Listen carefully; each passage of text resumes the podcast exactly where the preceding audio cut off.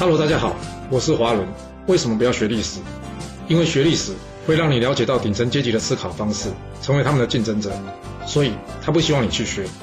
还有学历史会让你看到许多前人成功及失败的案例，你的竞争对手想要好好的睡个觉，所以他也不希望你去学。最重要的是，学历史会让你了解人性，你的老板以及同事都希望你保持天真的心，所以他们更不希望你去学。就是因为这些原因，接下来我要跟你说的是故事，而不是历史。今天主题是啊，别因为老资格就让老板起心动念杀功臣。我们刚刚在春秋第一百一十一集的故事中讲到，勾践完成了他十年生聚、十年教训的复国计划，听起来很不错，对不对？结果是呢，搞得功臣半离出逃，文种自尽了。其实这种老板成功杀功臣的桥段呢。这里并不是第一出啊，之前有，后面的历史还会有更多嘞。那为什么老板就是会想要杀功臣或是杀老臣呢？换个角度来说吧，要是你公司业务都掌握在一个业务员手里，你怕不怕？或是公司现在已经有制度了，但是一些老员工呢，或是创业的元老，他就是想要额外的优惠待遇。你说，身为老板的你，遇到这些老员工这样做，那你要怎么管理好其他新进的下属呢？这一次两次可以忍，那三次四次就不好说了，不是吗？到最后你会想要除掉这老员工吗？要是你都会想要除掉他，那你说老板会不会想要除掉工程元老啊？尤其是啊，要是现在公司经营困难了，这些人的薪资又高，你说不拿这些人开刀，他要拿谁开刀啊？永远要记住啊，环境会变，人会变啊。昨天出太阳不代表今天不下雨啊。想要老板别开除你啊？最好的方法是什么？那当然就是自己当老板了。那就算不能自己当老板，也要把自己当做公司一样来经营了。以我自己为例吧，我将我自己呢当做是我自己股份有限公司来经营，而我现在公司的老板呢，就是我目前唯一的客户啊。若是客户不赚钱，你觉得他会给我订单吗？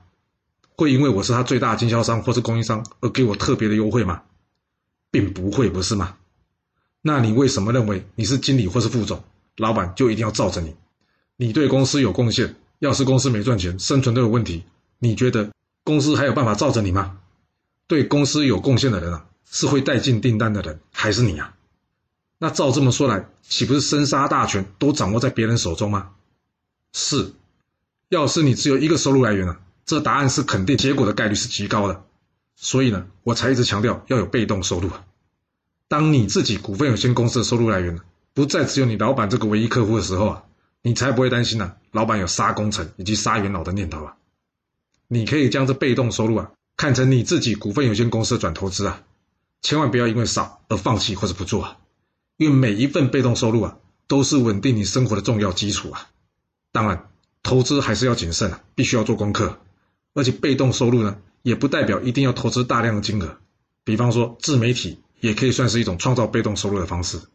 除了被动收入以外啊，扩展人脉、提升自我也是一种方法。因为东西再好，也要有人知道嘛。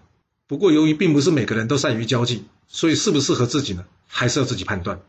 要是真的不合适，那就专注在提升自己吧。所谓酒香不怕巷子深嘛。要是你跟我说人脉提升我都不行，而被动收入还累积不够，那该怎么办呢？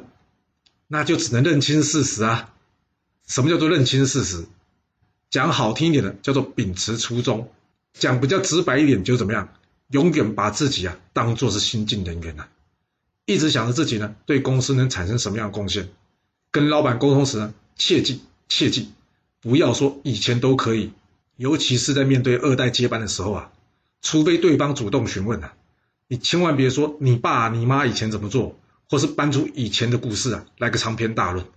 若公司真的经营有问题啊，甚至应该主动向老板表明啊，愿意降薪共体时间的意愿啊，下调薪水。听到这，你或许会说，说的简单哦，你知道这多难吗？要我主动去跟老板说，叫他把我的薪水往下调，这决定多痛苦啊！你只要想想今天故事中范蠡跟文种最后的下场啊，这个决定或许就没这么难了。